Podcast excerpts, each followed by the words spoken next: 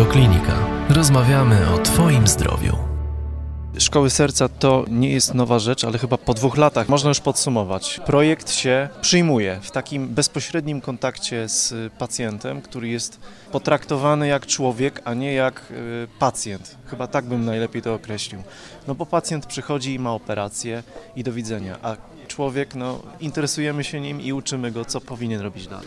Dokładnie, pacjenci bardzo doceniają e, ideę szkół serca, dlatego że czują po, pierwszy, po raz pierwszy, że ktoś nimi się interesuje, że ktoś chce im wytłumaczyć, na czym polega ich choroba.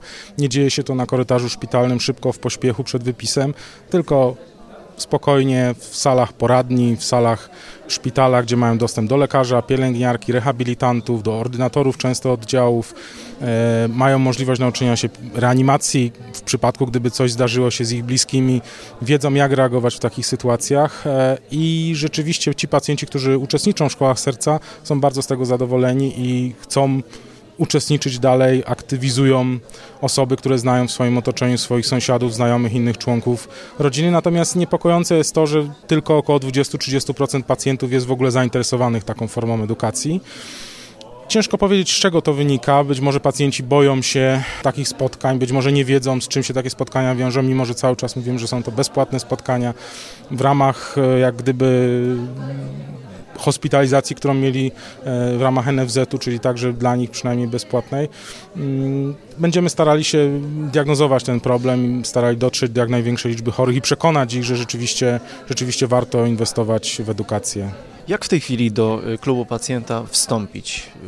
po operacji, jeśli ktoś chce i, i, albo jeśli ktoś ma w rodzinie chorego i, i chciałby koniecznie zapisać tam mamę, yy, babcię, siostrę, kogo, tej chwili szkoły serca działają w e, kilkunastu ośrodkach w Polsce południowo-wschodniej. Oczywiście są to spotkania otwarte, zapraszamy chorych rzeczywiście z innych ośrodków, aczkolwiek no ciężko pomyśleć, że ktoś specjalnie z drugiego końca kraju przyjedzie. Natomiast zapraszamy także szpitale, oddziały z innych części Polski. Jesteśmy w stanie jako fundacja, e, jako Instytut Kardiologii e, wspomóc logistycznie w organizacji takich szkół serca w innych ośrodkach i, i chętnie to zrobimy. Natomiast tam, gdzie spotkania są oczywiście otwarte, bezpłatne i ka każdy może na te spotkania przyjść, Ogłoszenia o szkołach serca i numery kontaktowe są na stronach naszej, naszej fundacji. To jest www.klub-pacjenta.pl i każdy chory może się z nami skontaktować i serdecznie zapraszamy. Średnia wieku jest e, raczej wysoka, ale pewnie nie tylko, no bo wiadomo, zawał może przyjść też dla młodej osoby. Dokładnie, przychodzą chorzy po 80 roku życia, ale przychodzą też najczęściej młodzi mężczyźni w wieku lat 35-40, których dotknął pierwszy zawał serca i którzy są przerażeni tak naprawdę, że w tak młodym wieku mogli dostać zawał serca. Często nie dowierzają temu i chcą się dowiedzieć, co się stało, dlaczego tak się stało, a jeśli przed nimi jeszcze kolejne 40 lat życia, to jak żyć i, i co robić. Taki y, moment, kiedy coś się dzieje i lekarz daje nam jakieś zalecenia, to jest właściwie chyba taki moment y, końcowy z reguły, teraz radź sobie pacjencie sam. Natomiast tutaj wy się opiekujecie takim pacjentem i to chyba jest też, powiedzmy sobie szczerze, z korzyścią dla systemu, naszego systemu opieki zdrowotnej. Tak? No dokładnie, no może się zdarzyć, że taki pacjent prawda, nie odstawi leków i niestety, znaczy niestety, niestety dla systemu nie będzie, nie będzie tym pacjentem w kolejnym roku czy kolejnych e, latach. Także, no ale myślę, że najważniejszy jest tutaj pacjent, jego zdrowie i to jest najistotniejsze. Jest szansa, że to się rozrośnie. To znaczy, mieliśmy grant z Ministerstwa Zdrowia odnośnie zorganizowania takiego spotkania z Norwegami, gdzie chcieliśmy przedstawić lekarzom, pielęgniarkom e, z różnych e, miejsc Polski ideę działania szkół serca. Natomiast organizacja już teraz tych szkół serca w poszczególnych ośrodkach jak gdyby należy już wewnętrznie do, do poszczególnych oddziałów. E, natomiast oczywiście jak najbardziej, tak jak mówiłem, zapraszamy, zapraszamy inne oddziały kardiologii z całej Polski.